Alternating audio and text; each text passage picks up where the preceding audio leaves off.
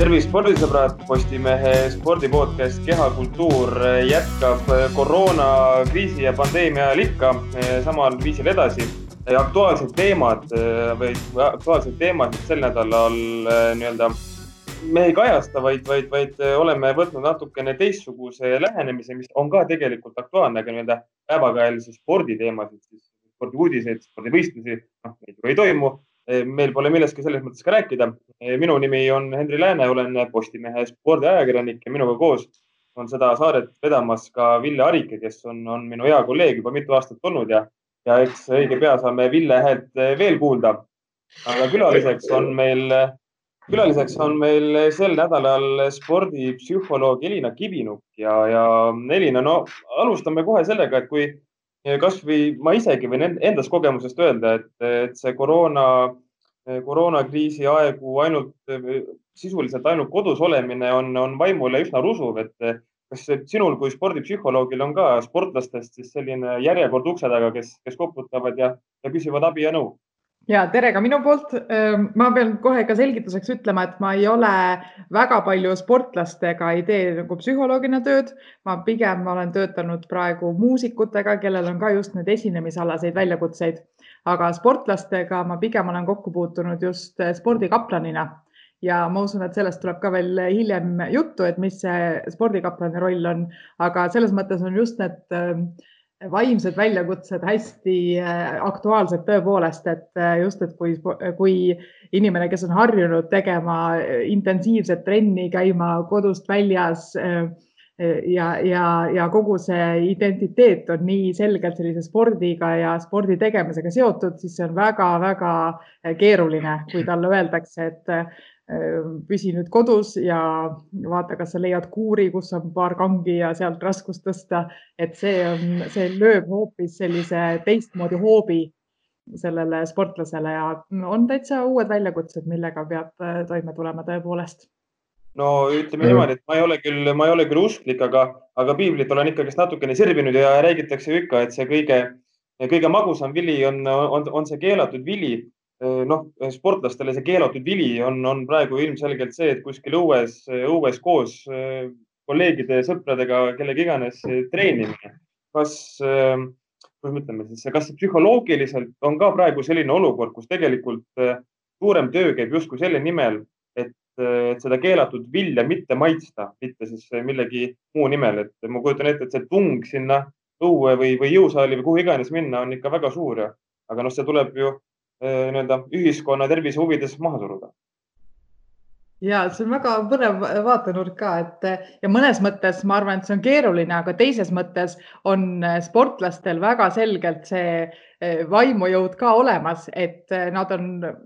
ma ise olen Jyvaskylas õppinud ja seal äh, siis see tõi kaasa ka selle olukorra, et ma elasin sportlastega koos, mul endal ei ole sportlase tausta, aga elasin igapäevaselt sportlastega koos ja sain aru, et et ja tõesti juba täiskasvanud eas ja sain seal, avastasin, et sportlased teevad nagu iga päev midagi nagu vastikut ja, ja kuidagi ületavad ennast ja on selliseid raskeid asju, mida on vaja teha. nii et mõnes mõttes ma arvan, et see eh, kodus püsimine on lihtsalt üks järjekordne väljakutse, mis on võib-olla natukene keeruline, aga, aga selle just vaimutreeningu mõttes on see just selline põnev väljakutse, et noh, kas ma saan sellega hakkama või mitte, et ma arvan, et sportlased on väga pikka aega ka nagu treeninud seda sellist musklit, kuidas saada vastikutes olukordades hakkama, kuidas olla ka loov nendes olukordades ja ikka nagu trenni edasi teha. no tere ka minu poolt. Elina, küsiksin kohe nüüd sellise asja otsa, et see sotsiaalne isolatsioon, just sa ütlesid, et siin sportlased noh, kahtlemata on, on karastunud äh, erinevates olukordades ja nii edasi, aga, aga äh, olukord ikkagi on tegelikult täiesti uus nende jaoks, et äh, on sul ka juba välja mõeldud äh, mõni selline asi või nipp, et mida saaksid soovitada ka nendele kõige tugevamatele, sest noh, ka kõige tugevamatel on alati nõrkushetki olemas ja aitäh, ma ja selles mõttes küll, ma arvan, praegu on pigem selline veel stressiperiood, et inimesed ikkagi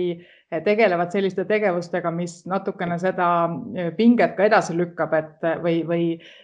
lükkab edasi nagu seda, et appi ma pean hakkama tõesti nagu läbi mõtlema, mida see isolatsioon on minus tekitanud. aga ma mõtlesin küll kolme soovituse peale, mis on sellised, ma arvan, võib-olla natukene ebatüüpilised või, või sellised asjad, mille peale kohe esimese hooga ei tule ja, ja üks nendest soovitustest on kindlasti see, et sportlased ja ka treenerid ja kõik spordiinimesed, kes on juba olnud mõnda aega kodus ja tulnud sellega kuidagi toime, selle olukorraga, siis on väga hea praegu mõelda, et mis on need asjad, miks see olukord on kujunenud hästi. Ja suure tõenäosusega on sellel inimesel endal mingid sellised sisemised ressursid, mingid jõuvarud, mingid sellised uued nipid või mingid uued avastused, mida ta on teinud, mis on juba teda aidanud. Ja ma arvan, see on hästi tähtis, et äh, sportlastel on hästi sage on see, et, et kuidagi saab paremaks ainult siis, kui sa parandad neid asju, mis on noh, mis ei ole senimaani väga hästi, siis ma tahan väga just soovitada või, või kinnitada, et tegelikult on väga hea võtta hetk, mõelda, mis asjad on, mida ma olen juba teinud hästi, mis on minu sees, on selline eh, tore ressurss, mis on, mida ma olen nagu selle isolatsiooni käigus avastanud. Ehm, noh, ma näiteks ka, see võib olla täitsa niiviisi, et aa, mul on nagu nii äge huumorimeel, isegi siin kodus olles ma mõtlen, mingid asjad on nagu nii äh, Eh, nagu nii toredad naljad tulevad mõned, ma ei, noh, mõned ei ole sellised eh, ega nagu, no ühesõnaga, et, et, et see on niisugune põnev, põnev asjaolu, mida ma olen avastanud, et näed, et eh, täitsa nagu toredad naljad tulevad, kellegagi jagada väga praegu ei saa, aga no see aeg tuleb ka ja, ja see kindlasti on aidanud mind ka isolatsioonis. siis teine soovitus on kindlasti selline ähm, kuidas ma ütlen, see on tähistamine või selle, selle asjaolu nagu märkamine, et võib-olla siis on võimalik kuidagi nagu näiteks tähistada seda isolatsiooni mingi uue tavaga ja jälle ka enda isiklikust elust, et ma näiteks praegu ma olen aru saanud, et on mingid sellised toidud, mida ma muidu tavaelus üldse pole nagu või tavalises olukorras pole nagu söönud, aga praegu mulle tundub, et oh, vot see on selline isolatsiooniroog no üks selline näide on võib-olla see, et ma söön praegu rohkem mozzarella juustu, muidu nagu mina, ma ei tea, kuidas see selline on sattunud, igal juhul millegipärast sattusin poodi ja, ja vaatasin, et näed, mozzarella juust. Ja praegu teen nagu nii erinevaid selliseid äh, retsepte ja, ja ma tean, et hiljem ja see on nagu tore traditsioon või tore avastus ja, ja, ja ma tean hiljem tagasi mõeldes, ma näen seda mozzarella juustu, mõtlen, et noh, vot see oli minu isolatsiooniroog ja mõelda nagu sellist just nagu tähistada, et, et näed, et, et midagi nagu toredat selles isolatsioonis on ka mingi tore tava. ja kolmas selline soovitus on eh, siis eestikeelne selline tõlge on võib-olla kohmakas, aga see mõte, mida ma tahan sellega öelda, on ümberraamistamine ehk et mõelda selle olukorra peale, kus sa täna oled ja, ja selle isolatsiooni olukorra peale ja mõelda, kas äkki see valmistab mingiks olukorraks ette. ja noh, väga sageli sportlase jaoks on ka, et, et kui on vigastused, et siis eh, on ka väga sarnane see olukord, et sa pead olema kodus, mingid sellised rutiinid ei ole enam nii Äh, nagu ei tohi neid teha, neid tavalisi rutiine. Ja siis äh, võib-olla praegu on just selline isolatsioon, ei ole mitte see, et sa pead olema kuskil nagu vangis kinni, vaid see on mingi selline õppetund, et sa õpid iseennast paremini tundma, õpid äh, selles olukorras paremini kuidagi toime tulema ja ja kui juhtub, et oled kunagi mingi vigastuse tõttu ka pikalt pead kodus olema, siis sa juba tead, et sa isolatsioonis selle perioodi ajal said hakkama, siis saad hakkama ka vigastuse ajal jah, ma korraks segaksin vahele, siin just tuli meelde sellega seoses, et, et kuidas Venemaa äh, hiljutine tippjalgpallur Andrei äh, Aršavin äh, viskas sellise küllap musta huumorikilda mineva nalja siin mõni nädal tagasi, et kui temaga siin räägiti, et kuidas see isolatsioon Venemaa jalgpalluritele mõjub, siis, siis ta ütles, noh, et Kokorin ja Mamajev saavad sellega kindlasti kõige paremini hakkama, et tuletan meelde, et et siis tegemist oli, oli siis kahe mehega, kes poolteist aastat tagasi äh, peksid äh, mõnda kaaskodanikku ja, ja selle tõttu aasta otsa vangis, vangis pidid veetma ja said hakkama seal ja nüüd jälle mängivad jalgpalli, et, et äh, no just, natukene, natukene selline musta, musta, musta huumori moodi, aga, aga, aga täpselt, täpselt see oli, et nendel, nendel on selleks juba, juba üks, aasta, üks aasta sellist kogemust all ja just, aga selles mõttes ta ei ole üldse nagu eh, halb, ka musta huumori nagu toimemehhanism on tegelikult see, et sa püüad seda praegust olukorda võtta mingis uues võtmes ja mitmed uuringud on kinnitanud, et ka treenerite puhul ka, et treenerid kasutavad teadlikult huumorit selleks, et, et saada sportlastest nagu paremaid tulemusi ja seda emotsionaalsust, seda õiget emotsionaalsust eh, tekitada nii et, et selles mõttes ma väga ikkagi julgustan inimesi, et teha head nalja, vahel ka musta huumorit, siis see kindlasti võib aidata. Ja just ka see, ka näiteks ka meditsiinitöötajate puhul on leitud, et just see must huumor on üks nende toimetuleku äh, viis. Huumor aitab alati elust läbi. no Elina, mainisite enne ka sellist äh, sõna või, või jah, märksõna fraasi vigastus, et minu enda jaoks, kui see, kui see koroona mm, jama kõik pihta hakkas, siis, äh, siis endamisi mõtlesin, et, et sportlased selles mõttes võiks justkui eh, tavainimestest natukene paremini selle kõigega hakkama saada, sellepärast et noh, see, kellel on olnud selline keerulisem vigastus, eh, mis eh, noh, mis paratamatult nõuab, nõuab pikemat puhkust, siis noh, laias laastus natukene nagu, nagu on, on, on, on see olukord sarnane võrreldes praegusega samas, kui ikkagist lugeda, kuidas väga paljud sportlased räägivad, vahet ei ole, kas neil on siis olnud mingisugune taust raskete vigastustega või mitte, no räägivad, et jama on, et pead nelja seina vahel kogu aeg olema ja, täitsa, täitsa jama on kõik, et siis, siis tundub, et ikkagi seda, seda, seda raske vigastuse ja sellise monoisolatsiooni vahel ei saa mingisuguseid nii-öelda võrdlusjooni tõmmata, et erinev värk. Ikka ja, ja ma arvan, et seal on natukene erinevus selles, et kas sa saad seda endale, kui lihtsasti sa saad seda endale põhjendada. ehk et äh, kui sul on vigastus, siis sa nagu näed, kas oma, ma ei tea, haiget äh, jalga, põlve, kätt ja saad aru, et sa ei saa sellega väga palju nagu trenni teha. Äh, kuigi Mart Poom seal oma selles raamatus rääkis just, et tema kunagi kõikide vigastuste ajal ta ei jätnud kunagi ühtegi nagu siis füüsiliselt ikkagi ta tegi trenni siis nende kehaosadega, mida sai treenida. nii et ähm, et ühesõnaga, aga selles mõttes, kui sa silmaga näed või saad aru, et näed, et tegelikult see põlv on valus, ma ei saa sellega teha oma tavapärast treeningut, siis, eh, siis on ka lihtsam oma nagu mõttes seda põhjendada. Eh, teisalt, kui sa lihtsalt, keegi ütleb sulle lihtsalt eh, korralduse, et püsi kodus ja, ja mitte midagi nagu sul tegelikult otseselt viga ei ole ja siis väljaspoolt ka nagu vaatad, et noh, tegelikult ei ole ju hullu, kui ma käin ikkagi kuskil jõusaalis et eh, noh, tundub, et see nagu ei ole probleem, et siis seetõttu on võib-olla raskem seda endale põhjendada. ma arvan, seal on see väljakutse. jah, ilmselt küll ja, ja, ja, ja korra, kui ma veel jätkan omaenda mõtete radadel, siis, siis olen mõelnud ka selle peale, et tegelikult see, see isolatsioon võiks eh, mõnele sportlasele just tegelikult ka kasuks tulla, et eh, näiteks sportlased, kellel on pere, noh, spordielu on, on juba selline, et et vaba aega võib olla, aga see enamasti peab ju ikkagist minema puhkamise peale ja kuigi aktiivne nagu ei, ei ole mõistlik olla. ei ole ka nüüd, praegu ei ole ju mingisugust reisimist ei saa olla, ei ole mänge, trenne, ei midagi, siis äh, on võimalik justkui näiteks perega lähedasemaks saada või niimoodi. me ju teame, et, et vaimne pool või selline emotsionaalne pool on ju eriti tippspordis ähm, ikkagist väga-väga oluline ja iga selline mm, asi justkui jah, iga selline positiivne asi justkui tuleb ikkagi esitusele ja kõigele kasuks, et, et kui oled perega lähedasem, siis on ka äkki kuidagi, ma ei tea, vaimselt see tasakaal on, võiks justkui paremini siin koroona isolatsiooni ajal paika loksuda ja kui lõppude lõpuks tippspordi uksed jälle avanevad, siis saab, saab need uksed jalaga maha lüüa ja, ja nii-öelda uut ennast näidata ja äh, ma siin kogu aeg noogutan taustaks, et väga head mõtted. teisalt on ka, on võib-olla ka seda olukorda, et äh, sportlane kuidagi mõtleb ennast sellisesse, kuidas ma ütlen, võib-olla sellisesse ohvripositsiooni, et mõtleb, et just, et, et temal on kõige raskem, et praegu on, et ja kõik peavad justkui tema nagu selliseid huvisid ja, ja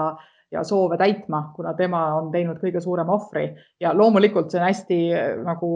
ja üldistatud ja ma ei ja iga inimese olukord ongi väga erinev, aga ma kujutan ette, et teatud olukordades võib ka see tekkida, et kodus tekib just rohkem pinget seetõttu, et, et keegi justkui ei mõista seda sportlast, et keegi justkui ei saa aru, kui raske tal on ja, ja kui raske on just ka, ma ei tea, nüüd senine mingi treeninggraafik ja, ja tulemuste saavutamine ei, ei, ei ole nii heas rütmis ja siis tundub, et on vaja rohkem just sellist kaastunnet ja poputamist ja aga samas on sellised kodused vajavad seda oma rütmi, aga selles mõttes ma olen väga, ma saan väga hästi aru, et on et nii-öelda tavainimesel, noh, kuigi keegi ei ole väga tavaline, aga et inimene, kes ei ole eh, enamik oma elust spordile pühendanud, tal on väga raske nagu seda mõista, et mis tähendab, et mingi tähtis tippsooritus jääb tegemata mingi võistluse ärajäämise tõttu. Et noh, väga lihtne on öelda, et noh, mis sa nutad, see on ainult nagu spordivõistlus, aga et aru saamata seda, et see sportlase jaoks on see noh, nii pikki aastaid on see ohverdus seal äh, kuidagi olnud ja, ja see on nii tähtis osa tema enda sellisest identiteedist. et, ähm, et selles mõttes peavad sportlased ka natukene sellist andeks andma nendele äh, teistele inimestele, kes selles olukorras pole niimoodi olnud. no mulle tundub küll, et äh, sportlased päris palju valivad elukaaslasteks, abikaasadeks ka just nimelt sporditaustaga inimesi, et, et kaks, kaks inimest, kes ikkagi on kas ise kõiki neid asju läbi elanud või, või vähemalt see teine inimene tajub väga hästi, mida see tippsport tähendab ja, ja mida see elu kõik tähendab, et, et sellisel juhul on see kooselu palju lihtsam ja, ja palju arusaadavam kõigile pooltele kindlasti vot siin ei oska sellist eksperthinnangut anda, et kas on ja, ja ei ole ka sattunud kätte mingeid selliseid uuringuid, et kas on, et et võib-olla see ei aita ka, vahel see võib aidata paremini mõista, aga võib-olla see just seab ka kuidagi suuremad väljakutsed, et, et jah, ma ei tea. Küll, nii ja naa, aga kui jätkame selle psühholoogia teemal, siis äh, treener, kuidas praegu tundub praeguses olukorras, et äh, noh, kas treeneri roll nüüd ütleme just sportlase äh, sellise vaimu ülevalhoidmisel on oluliselt suurem võrreldes tavapäraste aegadega. mulle nii, see on üks mu lemmikteemasid üldse, kuidas treeneritena kasvatakse, kuidas õpitakse, kuidas üldse saadakse treeneriks. mu magistritöö puudutas seda, et kuidas treenerid õpetavad tavapärases siis tavapärase treeningu jooksul eluks vajalikke oskusi. Ehk et ei ole ainult see konkreetne taktika või tehnika, mis on selle spordiga seotud, aga just, et, et kuidas ka sportlased oma tervist hoiaksid või, või kuidas tavalise treeningu käigus pöörata tähelepanu asjadele, et sportlased saaksid, neist saaks ka paremad inimesed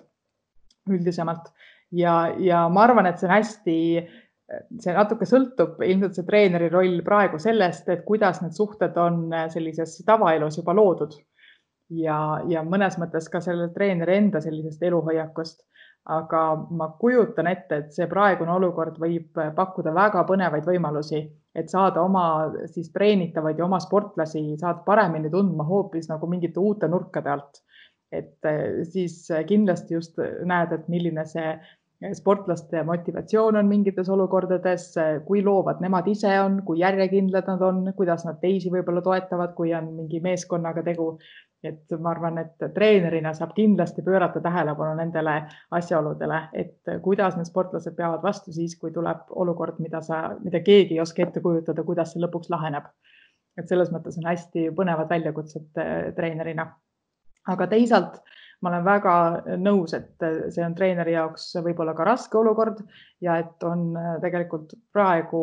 rohkem kui varem on vaja just seda aega, et et treeneril ka tekiks võimalus mingi mõttekaaslasega korraga teha väike Skype'i kõne või, või uurida teiste käest, kuidas läheb või mismoodi teie olete mingeid olukordi lahendanud või ja seda on hästi paljud treeneri koolituse uuringud tegelikult kinnitanud, et äh, kui on, et treenerid, eriti kogenumad treenerid õpivad eelkõige oma kogemuste nagu jagamisest, kui nad leiavad oma mõttekaaslase ja siis nendega selliseid mõtteid jagades, siis nendest õpib kõige rohkem. Kas äh, praegu võiks võib-olla natuke lihtsustatult äh, või lihtsustatult mõtlemine, aga, aga võiks olla niimoodi, et, et kui see tippsport või noh, üldse spordielu ja ka muu elu mõistagi uuesti edasi läheb, siis kõige paremas seisus sportlaste mõistes näiteks on just need, kelle treenerid on siis nii-öelda sellises mental coaching'u mõttes või, või, või vaimse abistamise psühholoogia mõistes siis paremad kui mõne teise sportlase treenerid. see on ju arusaadav, et, et see psühholoogia mängib, mängib treeneri töös väga suurt rolli, aga samamoodi on ka arusaadav see, et ega noh, iga treener ei ole selles vallas eh, nii hea kui mõni teine. Jah, no mõnes mõttes ma arvan, et äh, isegi ilma isolatsioonita treener, kes on äh, vaimselt äh, tugevam ja ise kuidagi läbi mõtestanud, miks ta treener on, see on,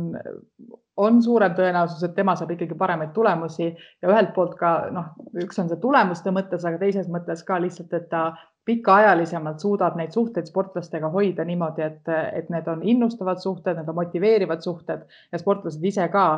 siis õpivad ja panustavad ka rohkem nendesse oma ka igapäevastesse treeningutesse. et selles mõttes on minu meelest hästi eh, põnev iga treeneri jaoks mõelda, miks ta seda, miks ta on treener mida ta tahab oma treeningutel öelda sportlastele, lisaks sellele, et, et nüüd äh, jookske siiapoole ja sinnapoole. Et, et või anda nagu praktilisi harjutusi, aga lihtsalt mõelda ka, et miks ta annab neid harjutusi just sellisel moel. Ja, ja mõelda, kes on tema eeskujud olnud, kellelt tema on õppinud. Ja, ja, ja võib-olla on tal mingid eeskujusid ka, keda ta mõtleb, et aa, ma ei taha neid kindlasti kuidagi jäljendada või või, ja siis teeb midagi teistmoodi või vastupidi ja võib-olla see, et ta teeb, läheb nagu sellesse skaala teise otsa ja ma ei tea, muutub nagu liiga pehmeks või muutub liiga selliseks äh, vähesuunavaks ja sellest pole ka sportlastele abi. et selles mõttes igal juhul on see äh, treeneriks kasvamise protsess nagu hästi põnev ja ma arvan, just seda isolatsiooni aega saab praegu ka ära kasutada, et natukene mõelda, et, et milline treener ma siis äh, tahan olla tõite saate alguses välja kolm nippi sportlastele, et eh, kas olete mõelnud ka, millised võiksid kolm nippi treeneritele praegusel ajal olla? no ma arvan, et mõnes mõttes need eh, on eh, soovitused üsna sellised ka universaalsed, et just see, et mida ma olen teinud mm. tänaseks hästi, et ja. tegelikult see küsimus on treeneri jaoks ka väga aktuaalne ja mõelda, et mis on need äh, et natukene just ka iseennast nagu kiita, et see kuidagi enda piitsutamine on nii äh, kuidagi loomulik, et äh, siis, ähm, et just et nagu treenerina ka mõelda, et mis on need asjad, mis ma olen juba äh, täna hästi teinud ja mis on mu enda need sisemised ressursid. aga üldjoontes ma arvan, mis on selline veel tore soovitus treeneritele ja mis ei ole väga ka nagu tavapärane või mille peale mõelda, on see, et anda sportlastele ikkagi rohkem valikuid et anda sportlastele võimalust ise kaasa rääkida, ise anda eh, ka otsustada, noh, ma te, ja ma tean, et see kõlab nagu nii eh, veidralt, et mina olen ju treener, mina peaksin teadma, mis on õiged suunad ja mis on õiged, eh, noh, ja ükski sportlane ei saa nagu päris ennast ise ju treenida. aga see kindlasti mõjutab nende inimeste motivatsiooni, kui inimesed saavad ise otsustada, noh, kõige lihtsam näide ongi see, et, et nädala alguses panna treeningplaan treeneril ja, ja siis öelda, et sa saad ise valida selle järjekorra. et, et, et ei saa, et sa ei pea tegema nagu, et mina kirjutan, et esmaspäeval on vaja see plaan täita, et siis võid anda sportlastele valida, et ise valite, mis järjekorras teete ja siis annate sellest teada. et selline äh, äh, lihtne nipp, et mõelda, et, et kuidas on võimalik rohkem seda valikuid sportlastele valikuvõimalust sportlaste jaoks suurendada. No üks asi, mis minule siin selle eh, koroonakriisi ajal spordimaailmas on, on, on nagu silma jäänud, on, on see, et paljud eeskätt jalgpalliklubid, noh, see vähemalt on mulle silma jäänud, on teinud ühistrenne ja, ja on, on, on parajalt videoid internetis olemas, kus, kus siis kas on mingisugune jooga, mingisugune muud venitamised, võimlemised, spinningu, spinningutunnid ja nii edasi kus siis eh, terve võistkond on justkui noh, kas Skype'i või, või mingisuguste muude programmide toel on, on koos ja ehkki nad on kõik erinevates kohtades, siis justkui hingeliselt eh, ollakse ühes ja samas kohas ühe ja sama asja eest väljas. kui oluline tegelikult sellised asjad on, et, et ehk isolatsioon on kedagi justkui nagu näost näkku ei, ei, ei tohiks näha või, või, või noh, see vahemaa peab, eks ju, olema, siis tegelikult ikkagi üritada hoida sellist ähm, suurepärast äh, tiimikeemiat ja, ja sellist mõnusat energiat seal võistkonnas üleval, et kui jällegi seda sport edasi läheb ja elu edasi läheb, siis, siis ollakse ikkagi sõbrad, mitte ei ole nagu sportlased teineteist ära unustanud ja ma arvan küll, et see on hästi hea just, et on sellised ühised treeningajad ja ühelt poolt see aitab seda sportlase jaoks ka igapäevast rutiini hoida, aga teisalt just jälle ka samamoodi on võimalik näha sul meeskonnas mingeid inimesi nagu teistsuguse nurga pealt või, või keegi, kes innustab rohkem ja kes on rohkem selline äh, sellised äh, staarmängijad, et siis nad saavad ka võib-olla teistmoodi ja mõned on just võib-olla vastupidi, et mõnes meeskonnas on mõned sellised olnud vaiksemad ja nüüd siis online keskkonnas näed, et nad, nad tegelikult on hästi järjepidevad ja ikkagi tuleb mingeid muid äh, uusi omadusi välja. aga ja, et just see sotsiaalsus on hästi tähtis, et äh, hoolimata nendest isoleerivatest oludest, et siis ikkagi inimesed hoiaksid kontakti ja, ja et oleks selline igapäevane rutiin ka olemas ja ja üks asi on see, et teha neid selliseid äh, praktilisi treeninguid, aga et võib mõelda ka ikkagi sellise keskkonna peale, et kus saab üksteisega nagu mingeid mõtteid jagada või, või tekibki see moment, et mitte nagu jätta päris üksi äh, kedagi, kui see noh, et kui inimesed näiteks ei ela ka kellegagi koos või, või et on, äh, et panna tähele neid inimesi, kellel on oht kuidagi ennast üksikuna tunda ja mingi mõte oli veel ah,, ma tahtsin veel seda jagada ka, et siin võib mõelda selliste sotsiaalsete momentide peale, et just, et teha mingeid selliseid äh, ühiseid väljakutseid, et ühe klubi väljakutse teisele või siis, et ma ei tea, teha grupiga äh, mingi ühine loetelu, et mitu, ma ei tea, kätekõverdust on päeva jooksul tehtud või et, äh, et mingeid selliseid tehagi ühine lihtsalt, ma ei tea, Google Docs ja sinna, sinna juurde panna selline äh, Äh, ühine loetelu, et midagi, jälle see ka tekitab sellist grupitunnet, et ma olen midagi koos oma meeskonnakaaslastega teinud ja kõik on sellega kuidagi samas paadis selle ideega.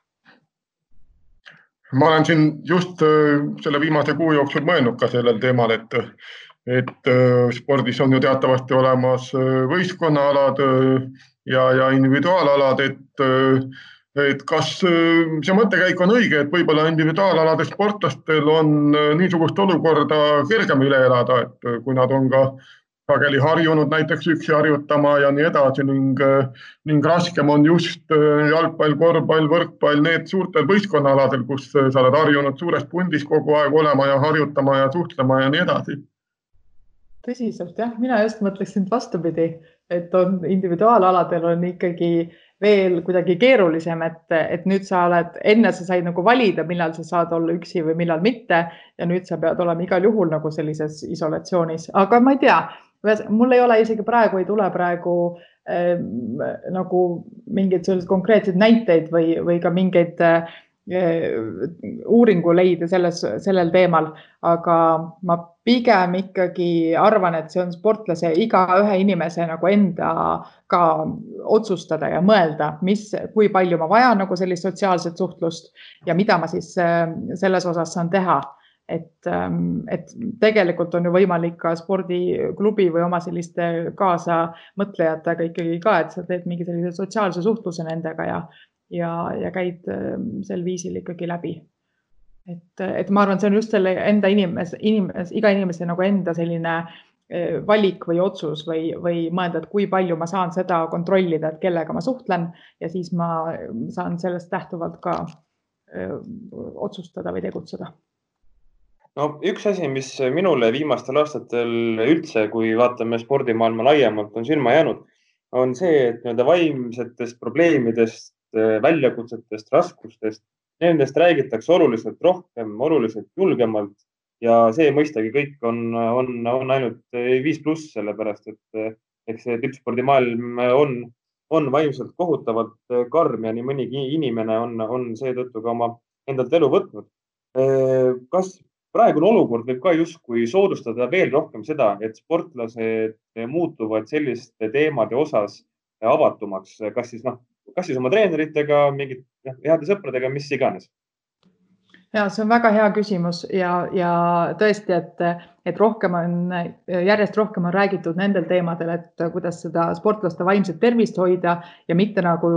ainult sellel ajal, kus tehakse tõesti tõsist trenni, vaid siis, kui ka eh, karjäär on lõppemas, et mismoodi siis sportlasi toetatakse. Aga praegu ka need uuringud, mis on tehtud sellise isolatsiooni ja karantiini mõjust siis on hästi, siis nad näitavad, et tegelikult ei ole seal vahet, et kui me praegu ütleme selle, selle praeguse koroonaviiruse mõttes, et rohkem on riskirühm, on nii-öelda vanemaealine, siis selle karantiini mõju mõttes sellel ei ole suurt erinevust, aga Eh, paistavad välja need eh, inimesed, kellel varem on olnud vaimse tervisega probleeme. Ehk et kui sportlased või kes iganes tegelikult on varem kogenud, et mul on, mm, ma ei tea, depressioon ja ma olen üldse nagu midagi ei jaksa ja nii nagu eluisu on täiesti kadunud, et siis see tõenäosus, et need vaimse tervise väljakutsed tulevad ka eh,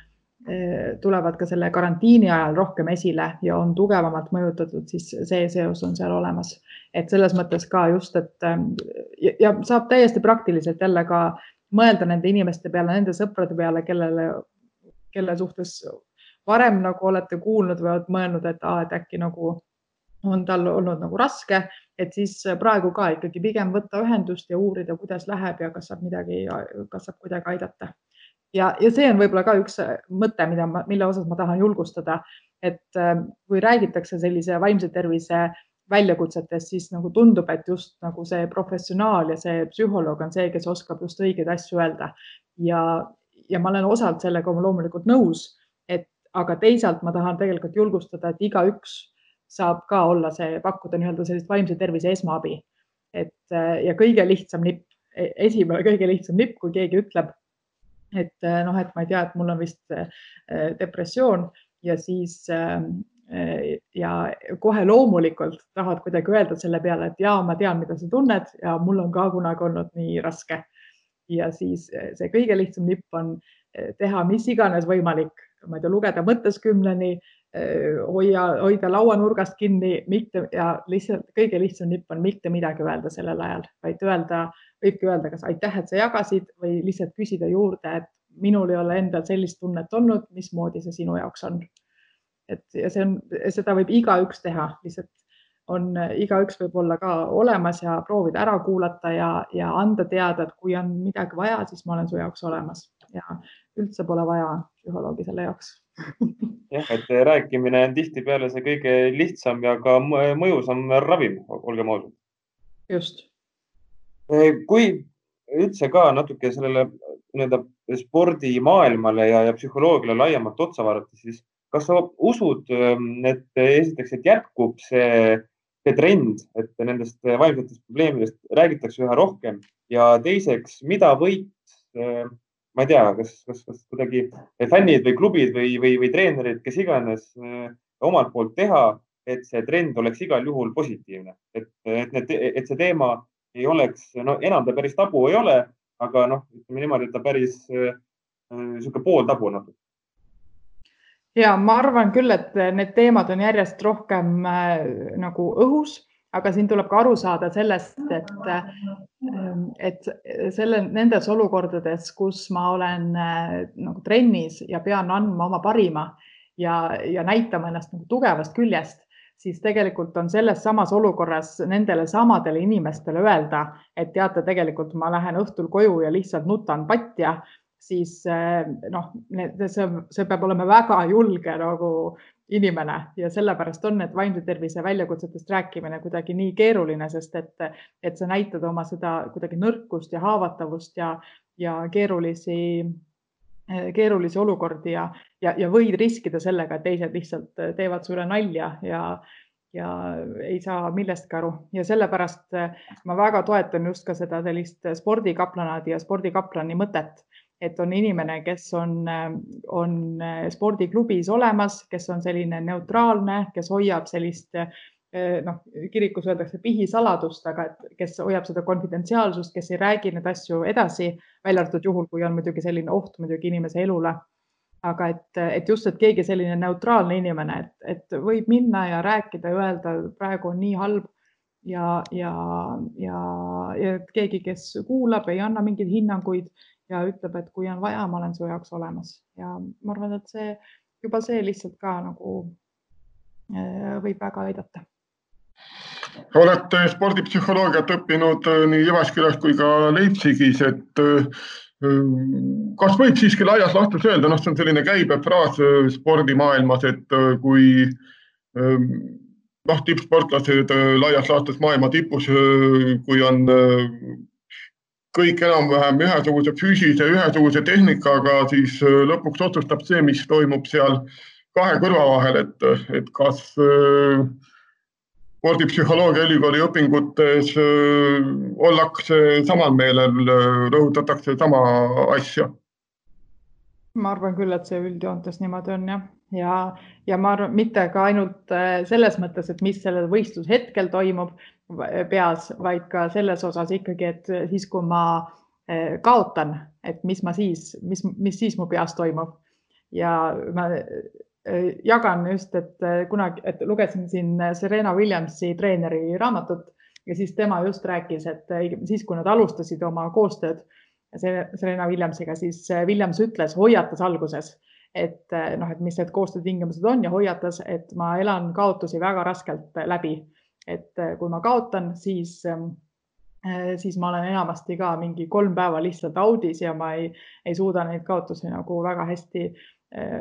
siis üle elada ja noh, mõeldes Serena Williamsi peale, see tundub ju täiesti nagu peaaegu veider, aga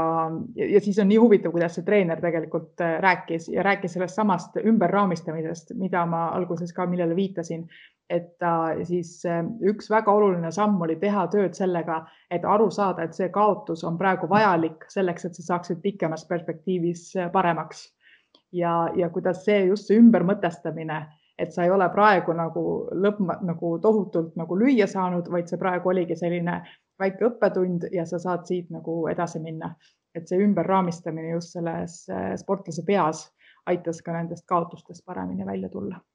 et ta enam ei põeks neid kaotusi kolm päeva, vaid äh, kolm minutit ja siis juba läheks edasi oma asjadega. Ja just. Ja see on nii hea soovitus ka selle isolatsiooni äh, ajal ka, et äh, kui sa saad aru alguses, et on mingi selline kas kaotusvalu selle olukorraga või mingi niisugune nii-öelda leina olukord, et sa saad aru, et on mingi võistlus ja sa ei pruugi sellele võistlusele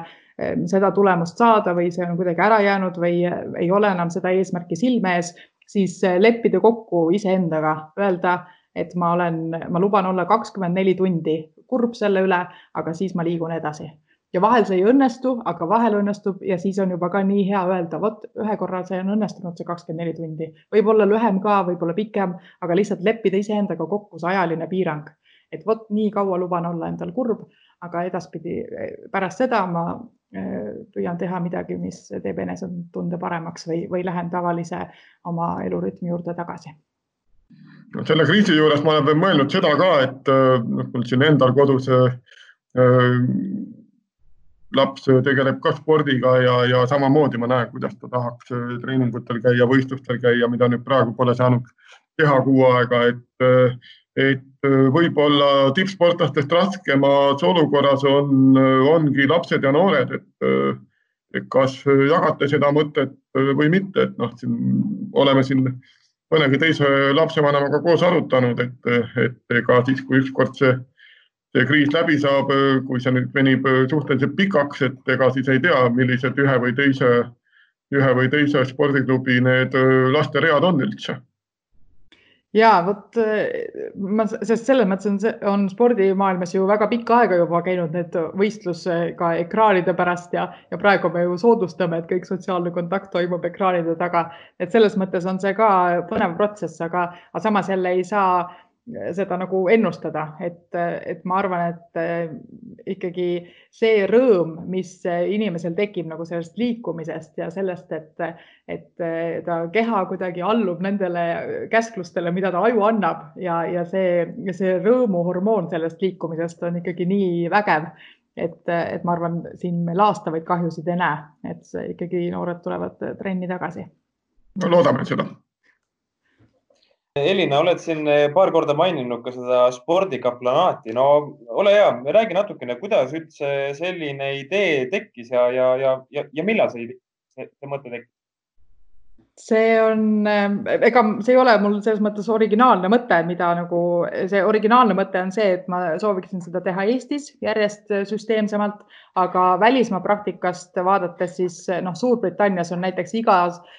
iga spordiklubi juures on spordikaplan, nii et neid on kokku kuskil kuuesaja, seitsmesaja vahel on selline ma olen vahel nimetanud, et spordikaplan on selline nagu vaimulik mentor, keegi, kes käib sportlastega siis kaasas. näiteks Uus-Meremaa näitel on selline praktika, et ollakse siis käiakse kaks korda nädalas treeningute juures ja ühe ja siis kõikidel näiteks kodumängudel, kui on mingi meeskonnaala. Et ja siis see võibki olla erinev, mida see kaplan sealt teeb, et võib aidata kuidagi sellise vabatahtlikuna seal mingeid abilisi või abistavaid töid teha ja, ja lihtsalt ka loob nagu häid suhteid nende sportlastega ja just selliseid ka isiklikke ja, ja konfidentsiaalseid suhteid. ja, ja just tahan öelda, et see spordikaplani roll on vabatahtlik ehk et ta ei ole või noh, ta võib olla rahastatud siis mingil eh, muu alusel, mitte et ta ei ole nagu siis spordiklubi palgal. Ja, ja võib-olla kui on inimestel siis sõjaväe või politsei kogemus, et siis seal on nagu tuttav ka selline kaplani roll, et tal on selline vaimulik, vaimulik roll seal. Ja olen mõelnud kolmele sihtgrupile, kes ka Eesti kontekstis ikkagi on väga äh, reaalne. üks on siis need sportlased, kes on tegelikult täna kristlased ja väga paljude noorte seas ma olen kuulnud seda, et äh, kuidagi nagu see kirik ja sport ei lähe nende peas nagu ei käi kokku ja väga sageli seda toetab ka kuidagi see, et spordivõistlused on nädalavahetusel, sageli pühapäeval ja siis, äh, ja siis need kristlased ei saa minna kirikusse sellel ajal ja siis äh, nad järgmine kord lähevad kirikusse, siis kirikus vaadatakse neid pika pilguga, et oi, sa nii harva siin käid kirikus onju. ja siis ja noh, ja spordis on seal mõned sellised väljakutsed, mida on on võib-olla keeruline oma peas alati suhestuda, et, et mismoodi ma nagu, et kuidas ma võidan teiste sportlaste eest, et, et selles mõttes on just nagu noorte sportlaste puhul eh, saada, saab kuidagi toetada, et, et kuidas neid kahte kombineerida ja, ja on võimalik, et justkui inimene tunneb, et on mõlemad on ta kutsumus, siis teine sihtgrupp on eh, siis välismaa sportlased, sageli näiteks eh, välismängijad, kas korvpallis või võrkpallis või või jalgpallis, et kes on harjunud, et nende välisklubides oli selline vaimulik mentor või oli selline spordikaplan, et kas keegi pakub siin ka sarnast tuge. ja kolmas on just need, see, need sportlased, kes, kellest on siin täna juba ka juttu olnud, et, et inimesed, kes vajavadki sellist võib-olla vestluskaaslast, ära kuulavat sellist osapoolt, olla kindel, et see info näiteks treenerile ei lähe, et näiteks kui kellelgi on mingeid selliseid isikliku elu probleeme, et mis segavad tal võib-olla trenni teha, siis oleks hea, et ta saab seda kellelegi kolmandale osapoolele rääkida ja treener ei ole siis oma otsustest mõjutatud sellest, sellest infost selle sportlase kohta. mis äh, vahe on spordipsühholoogil ja spordikaplanil? ja see on väga hea küsimus, kindlasti see on lihtsalt kuidagi minu isikus äh, Eh, sattunud niiviisi kokku, et ma olen spordipsühholoogiat õppinud ja siis ma hästi palju ka selle spordikaplani rollis nagu mõtlen või lähtun oma sellistest teadmistest, mida ma olen spordipsühholoogiast eh, saanud. aga tegelikult võib olla ka spordikaplan täitsa eh, mõni kirikuõpetaja ja, ja mõne selline kohaliku kogukonna keegi pastor, kes siis ka aeg-ajalt äh, käib, küsib äh, seal korvpalli või jalgpallimeeskonna juures, et kuidas neil läheb, saab äh, aeg-ajalt nendega kokku ja seal ei pea üldse olema mingit sellist spordipsühholoogia tausta. et, ähm, et see kaplan siis täidab seal nii-öelda sellist pastori rolli ja, ja ikkagi ütleb, et ma olen teie jaoks olemas, kui vaja ja on selline hingehoidja seal ja ei pea teadma midagi sellest spordipsühholoogiast et selles mõttes kindlasti see taotlus ei ole pakkuda alternatiivi spordipsühholoogiale. spordi, spordipsühholoogil on kindlasti oma roll eh, ja omad sellised eh, tegevusalad, aga et spordikaplan võib eh, ma arvan, et ma arvan, et neil mõlemal on selline oma roll selles, selles maastikul olemas no ütleme, et äh, ma olen sportlane, spordikaplani mõte mulle täitsa tundub huvitav, psühholoogi päris, noh, ma ei tea, kas ei taha või mis iganes see põhjus on, ei ole, ei ole ligipääsu. kodus naisele ka ei taha asju rääkida, las, las spordiasjad jäävad ikkagist kodusentist välja. mismoodi ma võiksin spordikaplani üles leida? No praegu on äh, Eesti kontekstis siis äh, meil ei ole väga palju spordikaplaneid, aga et saab kirjutada spordikaplan at spordikaplan.ee ja siis äh, võib leppida kokku sellise online kohtumise, et, et rääkida. Ja et on olnud küll siin ka juba selliseid kordi, kus on saanud ka kirjutada või, või on saanud nagu selliseid, on olnud selliseid julgustavaid hetki, et ma olen aru saanud küll, et sportlastel on vaja teinekord sellist äh, momenti, et, ähm, et, et saada mingeid selliseid jah, võib-olla ka lihtsalt see ärakuulamine või, või julgustus või, või see signaal, et keegi mõistab neid, on, ma arvan, hästi tähtis ja see on võib-olla selle kaplani puhul just hästi oluline, et ta tegelikult armastaks ikkagi sporti, et ta nagu hindaks seda, mida need sportlased on oma elus teinud ja saavutanud, et, et see on võib-olla oluline lähenemine. ühesõnaga võib kirjutada spordikaplan, et spordikaplan.ee ja siis äh, olen äh, käivitamas ka äh, siis uudiskirja. Ja see on ka spordikaplanaadi Facebooki lehel on see info ka olemas, et võib saada siis igal nädalal sellist spordikaplani postkaarti enda postkasti, kus on siis mõni selline väike tsitaat või, või mingi mõte ja siis väike selline praktiline soovitus, kuidas oma kas vaimset tervist hoida või, või kuidas siin sellises äh, no ühesõnaga erinevatel, erinevatel teemadel võib siin olla selliseid väikseid praktilisi soovitusi. väga selline põgus postkaart, postkaardile palju infot ei mahu, aga et, et ma arvan, see pakub ka sellist head konfidentsiaalset võimalust, et ei, keegi ei pea jälgima Instagramis või Facebookis või, või keegi ei tea, kes jälgib, aga et, et see postkaart, postkaart tuleb igal nädalal postkasti just noh, see kaplan, spordikaplanaat minu jaoks vähemalt tundub küll väga-väga selline tervitatav ettevõtmine, mis, mis kulub kindlasti nii mõnelegi või isegi paljudele marjaks ära, sellepärast et nagu siin korduvalt juba ka maininud oleme, siis ega, ega tippspordis nagu ka mujal elus ikkagi see vaimne tervis on tohutult oluline. aga Elina suur,, suur-suur aitäh sulle selle aja eest ja mis seal ikka, midagi originaalset mõelda ei oska, oska oskan öelda ainult seda, et eh, hoia, hoia vaimset tervist ja, ja loodetavasti saab koroonakriis õige pea läbi. väga tore, aitäh teile ja, ja ilusat ja jaksu teile ka ja peske käsi